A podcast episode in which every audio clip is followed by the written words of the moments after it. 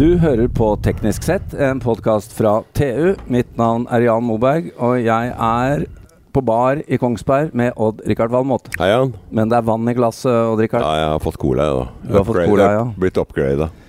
Men vi er på live podkastinnspilling i teknologibyen Kongsberg. Det er fantastisk. Ja, det er det.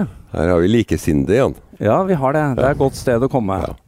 Og eh, det, vi har jo vært innom et par selskaper her oppe tidligere.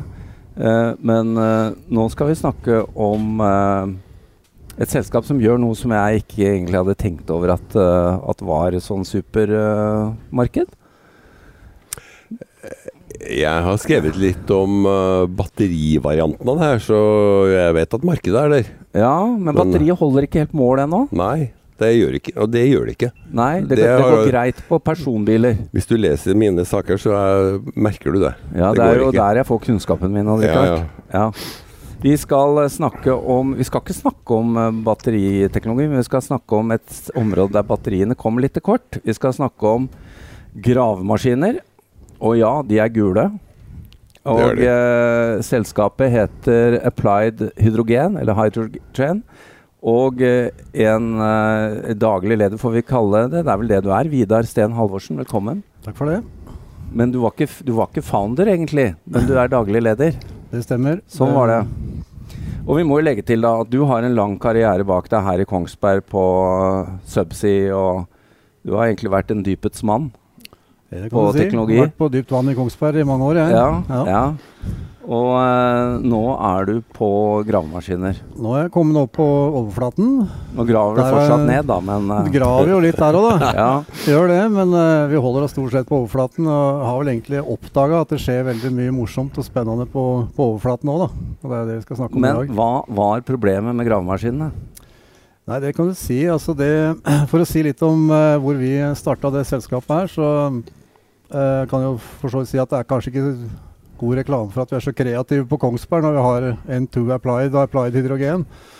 Men uh, vi snakka i hvert fall en del om at hydrogen skal jo produseres i stort monn i Norge nå. Det har vært mye annonseringer rundt det. Men hva skal dette hydrogenet brukes til? var det vi begynte å, å gruble på. Så har vi en i, i vennekretsen som driver et uh, entreprenørselskap borti Lunde i Telemark som uh, heter Tveito Maskin. Så sier han det at uh, ja, får du en gravemaskin til å gå på hydrogen, da, da er framtida sikra. For det, han hadde jo prøvd seg litt med disse batterimaskinene da, og uh, skal ikke si noe vondt ord om dem, for det er et viktig eh, bidrag til å få en utslippsfri anleggsplass. Men eh, store, tunge maskiner som bruker eh, mye energi i løpet av dagen, de sliter med å få nok batterikapasitet. Ja, det går tom, rett og slett? De går tom For eh, tidlig? tidlig på dagen, Ja. og det tar for lang tid å lade dem opp igjen. Så du Nettopp. bruker liksom for mye av dagen til uh, uproduktiv arbeid. da. Så for å få et alternativ som er utslippsfritt, og som kan jobbe tunge, lange økter, så uh, er vi på jakt etter å vise at det går med, med hydrogen. da. Nettopp. Ja. Ja, For du må ha høyt effektuttak Ja. egentlig hele skiftet. Ja, du må det. det. Er jo litt forskjellig bruk av sånne gravemaskiner. Vi har lært mye om gravemaskiner de siste åra, skal jeg si dere. Men eh, i hvert fall store og tunge gravemaskiner de står uh, gjerne og øser uh, skutt masse eller grus hele dagen, og det er tungt arbeid, så, så de er mye i bruk. En lett maskin brukes ofte mot ei grøft og litt sånn lettere arbeid og står mye og venter. men og da klarer jeg kanskje bedre med batterimaskin. Da. Men de store tunge, fra 30 tonn og oppover, så er det så mye effekt som går gjennom den maskinen at det da, da er ikke det så veldig hensiktsmessig med den batteriene som finnes i dag. i hvert fall. Så, så der har vi liksom sikta oss inn med at vi skal løse det med å bygge inn eh, en, base, en eh, ny drivlinje som er basert på brenselceller og hydrogendrift. Men vi bruker jo batterier vi òg, da. Men eh, det er rett og slett for at vi ikke må overdimensjonere den brenselcella. Det er mer et buffer. et buffer ja, som Ja. tar ut uh, makseffekt når vi virkelig trenger et tungt tak. Og så Ja. er det også litt for å ta imot energien når vi virkelig har fått opp farten i brenselcellen, sånn at ikke den eh, eh, Vi må ha et sted å gjøre av energien fra den, og det er ikke alltid graveren trenger den. da. Ja. Men uh, bare for å forstå dette. Altså eh, 30 tonn gravemaskin, den er jo ganske stor. Den er røslig, ja. Ja. Hvor, hvor langt er et gravemaskinskift? Altså hvor lenge går en sånn maskin typisk? Ofte jobber de tolv timers skift, fordi at uh, på anleggsdrift så er det ofte sånn at de tar seg litt fri på fredagen. At de jobber lange dager, og så tar de fri Ja. på fredagen. Og da, for å bli effektive da, så jobber de gjerne tolv timer. Og det er det Akkurat som vi- Odd Rikard, bortsett fra han rigger og jobber også 12 timer på Ja. Ja. Men så, kanskje sånn som deg også, så har vi tatt ut en del statistikk, driftsstatistikk. da. Og det viser seg at ca. 60% av tida så er du aktiv i gravemaskin. Resten av tida så står du og venter. Så selv om det er et sånn tungt arbeid som vi driver med, dette har vi jo tatt ut statistikk på, for det er jo veldig mye telemetri og, og ting som blir lagra i de maskinene i dag. Så vi veit at ca. 60% av tida så er du jobber du effektivt, og så resten av tida står du litt på, på vent. Så det har vi brukt som input når vi har liksom siza opp den nye drivlinja vår. Så vi tar ut en eh, dieselmotor på uh, ca. 230 hester. Og så setter vi inn en brenselcelle på 120 kW. Så det, det rimer jo ikke helt, men det er nettopp den balansen der med at det er mye dynamikk, og det tar vi gjennom eh, batteriet, da, som tar makslasten. Hvor stort er batteriet? Det er på 33 um, Kilowattimer. Ja. Ja. Mm. En liten elbil. Og det balanserer også brenselcella. Ja. Brenselcelle har en litt sånn kurvete Ja, den, virkningsgrad. den kan, ja, det har den også. Og så har den en sånn uh, dynamikk som ikke følger helt uh, kan du si, vårt effektuttak. sånn at Ja. vi klarer ikke å få den til å rampe opp raskt nok. Så da henter vi maksenergien fra batteriet. Og så bruker den også litt tid på å roe seg ned igjen når vi skal ikke ha så mye energi. Og da må vi kjøre den energien inn i Mm. batteriet. Så det fungerer som et sånn hybridsystem. da. Mm. Men uh, dette initiativet, eller din rolle, startet Ja. våren 2020, altså for to og et halvt år siden? Ja. Det stemmer. Da, som alle gode ting så starta vi opp i en garasje. Um, dette var jo midt under covid-tida, så jeg satt på, hadde hjemmekontoret mitt i et, uh, en garasjebygg som jeg uh, bruker en del på fritida. Og hadde et bra kontor der, og der starta vi opp uh, Applied Hydrogen for alvor. Og noe av det første vi gjorde, var at vi, vi selvfølgelig jobba med konseptet vårt. Vi hadde funnet ut at det var anleggsmaskiner vi skulle satse på. Og så hadde vi skjønt at, eh, og det kommer jo liksom litt med den bakgrunnen jeg har, da, med at vi er med og er, hjelper oljeselskapene å være arkitekter for hvordan de bygger ut uh, oljefelt. Og, og da er det jo liksom litt mer enn bare en gravemaskin eller et juletre du trenger. Du trenger et helt system som spiller på lag. Og, og her var det veldig sånn høna-egg-effekt som var uh, til stede. Så det å bygge en gravemaskin som går på hydrogen, den hadde blitt stående veldig ensom. For eh, hvis ingen kan fylle den med hydrogen der ute i anlegget hvor han står, så er vi like langt.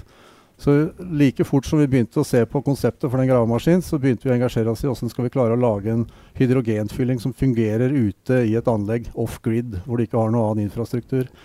Så det har vi brukt mye tid på. Å både dimensjonere opp en fylleprosess som vi klarer å gjennomføre på Vi sier vi skal fylle den graveren på en halvtime når vi fyller den.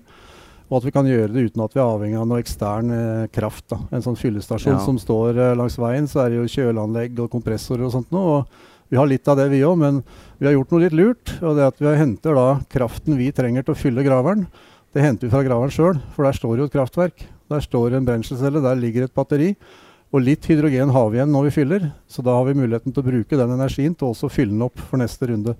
Så det er jo ikke perpetuum mobile, men i hvert fall bruker litt av den energien vi har igjen i graveren for å fylle den opp til neste skift. Så, Men så det er litt når smart. du sier fylle opp, betyr det at bytte tank, Nei, eller? nei eh, vi ser jo på det, og det er jo veldig mange som driver med Ja. hydrogen som ser på sånne swappeløsninger. Men eh, dette er store og tunge innretninger, og særlig ute i et anlegg hvor du ikke er helt sikker på hvor eh, vinkel du står i og hva du har av løft. Ja. og greier, sånn, så, så du liker å ha en sånn utskiftingsløsning. så det er rett og slett at vi fyller opp igjen tankene. Det er ikke en grill. Nei. Nei. Men, men eh, jeg har jo skjønt det sånn ah, Fordi det er mange, mange store tanker om hydrogen i Norge. Og et tema vi har vært inne på, Richard, er jo og mange andre òg, er jo dette med store vindturbiner som kan eh, Når det ikke er behov for energien andre steder, så kan du lage hydrogen, da. Men du skal jo frakte den fra der den blir produsert, og til der den skal anvendes. Mm. Dere har et konsept om kortreist hydrogen, rett og slett? Ja, altså vi, vi ser jo det at eh, de tankene du frakter hydrogen er dyre. Så jo kortere du klarer å gjøre reiseveien, jo bedre er det. Og det er vel noen, Ja. eh, noen eh, krav forbundet med å frakte hydrogen òg? Ja, det er det. Og det, det er visse trykkbegrensninger, så det blir mye skytteltrafikk etter hvert som du får opp forbruket. Så det vi har sett litt på, er om det fins muligheter til å produsere hydrogen litt mer regionalt eller lokalt da, til det kvanta som vi trenger. Vi skal jo ikke ha tonnevis om dagen, men at det kanskje finnes en del inne, innestengt kraft i form av elvekraft. Eller det kan jo tenkes at det kan settes opp solparker rundt omkring, og, og, og vindparker også. Men uh, vi ser det at uh, for vårt bruk, så det å få ned reiseveien og få en kortest mulig si, verdikjede, det er nok en effektiv måte framover. Og en anleggsplass det er på en måte som en sånn camp. ikke sant? Du, du kommer dit med alt det utstyret du trenger for å, for å gjennomføre prosjektet ditt. og eh, Om det kommer noen container ekstra der, eh, og du setter opp en midlertidig elektrolysør og, og, et, eh, og kobler opp enten på, på griden der, eller om du, du, finner en annen måte å skaffe deg fornybar energi der på, det, det ligger absolutt i, i pipelines for hva som kan, kan, komme her. Men det viktigste er at du klarer å fylle, i hvert fall, og få distribuert hydrogenet ut til anleggsmaskinene. Og så at vi bygger opp kompetanse til hvordan vi skal integrere en ny drivlinje i anleggsmaskinen. Men produksjonen kan være veldig fleksibel, da? Ja. Kan komme fra veldig mange ja.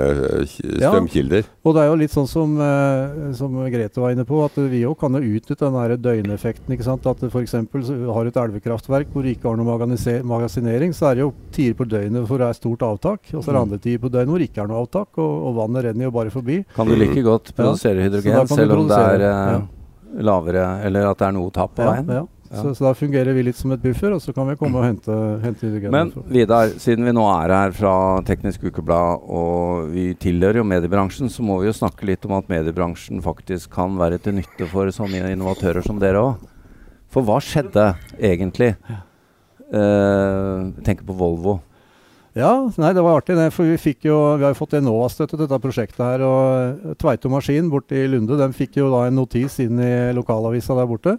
Så ja, det var ikke Teknisk Ukeblad? Det var ikke sagt, ja. Teknisk Ukeblad var ikke helt var Varden, på ballen der. Det var nok ja. Varden, ja. ja. Eh, det blei spora opp av en selger i Volvo som tok kontakt med oss og sier at uh, dette er fantastisk. Vi liker jo godt hydrogen og vi veit at dette er framtida, men det tar mange år før vi har noe, noe, sånt på trappene. Så hvis vi kan hjelpe dere og legge til rette for at dere får til dette her, så skal vi bli med dere hele veien. Det var vi jo kjempeglade for, for uh, Volvo bygger gode maskiner, og, og vi syns det er et godt utgangspunkt. Og det at du får med deg først Volvo i Norge, som vi har fått med, og etter hvert så sier de Volvo Norge at uh, Vidar, nå, nå, kommer det snart en telefon til deg, uh, eller en mail til deg fra en kar som heter Finn. Da skal du følge med. Og det er jo sentralt i, i Volvo sin ledelse i Sverige. Så vi har oppretta en veldig god dialog og vi har helt sånn transparente linjer til, uh, til Volvo-konsernet på hva vi driver med, og vi veit mye om hva de driver med.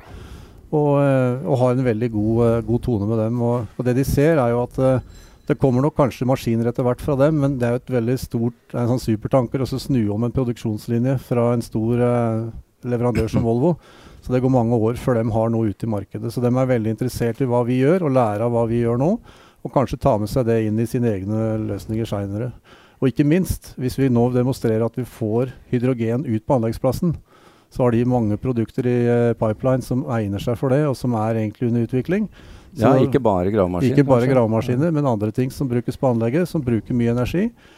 Og eh, F.eks. lastebiler. Volvo har jo et samarbeid med Daimler Trucks om å ta fram eh, brenselceller for lastebiler. og det er klart De lastebilene som går ut og inn av anlegg, de trenger jo ikke ha noen fyllestasjoner langs veien. Hvis vi er der på, på anleggsplassen, så kan vi jo fylle mens de er der inne, dem òg. Mm. Så det åpner opp for en mye raskere utbredelse av hydrogen da, på anleggsplassen. At vi, vi, får etablert oss der, og vi får distribusjon på plass. Men uh, bare for å konkretisere. Dere har da en Volvo gravemaskin, sånn 30 tonnsmaskin, ja. som dere driver opp plukker Leik. ut dieselmotor på og vi, skal montere ja. inn løsning? Det, det stemmer det. Foreløpig driver vi mest og leker med den, for å si det sånn. Altså, vi, vi, har jo brukt den veldig mye til å karakterisere alle mulige driftsforhold. Da, for å forstå uh, hvor mye diesel går under forskjellige driftsforhold. Og ikke minst hvor mye sjokk og vibrasjoner er det. Så vi har stått oppe i pukkverk og, og rista og herja med den. og uh, vi har vært inne på alle databussene også og lest av signaler, bl.a. Det er litt en artig sånn anekdote. for det det er ikke så lett å komme inn i det aller helligste til Volvo. Dette var jo før vi egentlig fikk i gang det samarbeidet med dem. da. Men uh, her i Kongsberg så er alt mulig. Uh, bare slå et slag for den tverrfaglige industrien vi har her oppe. og vi fant ut at vi måtte inn i disse kabelharnessene, som er ikke så veldig lett tilgjengelig å få tak i uh, lister over hva det er og hvilke signaler som går der. Men så har vi gjennom kontaktene kontakten her i byen et uh, lite firma som driver noe IOT Labs. Uh, der er en kar som er meget dyktig. Blant annet så driver han og lærer opp bombetroppen i å desarmere bomber. Eh, og det er klart Der er en del ledninger, og der går en del rare signaler. Så for han så var ikke dette noe big deal å ta ut de signalene til oss.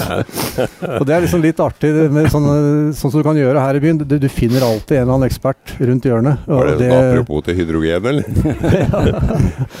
ja da. Nei, men iallfall så er det veldig artig altså kunne trekke litt på kollegaer som du har enten jobba sammen med tidligere, som fins i miljøet her. Så, så vi utfyller hverandre veldig godt. da. Ja. Men det kanskje ikke så mange vet, er at Norge er blitt et veldig stort land for produksjon av elektriske gravemaskiner, men mindre enn det du snakker om.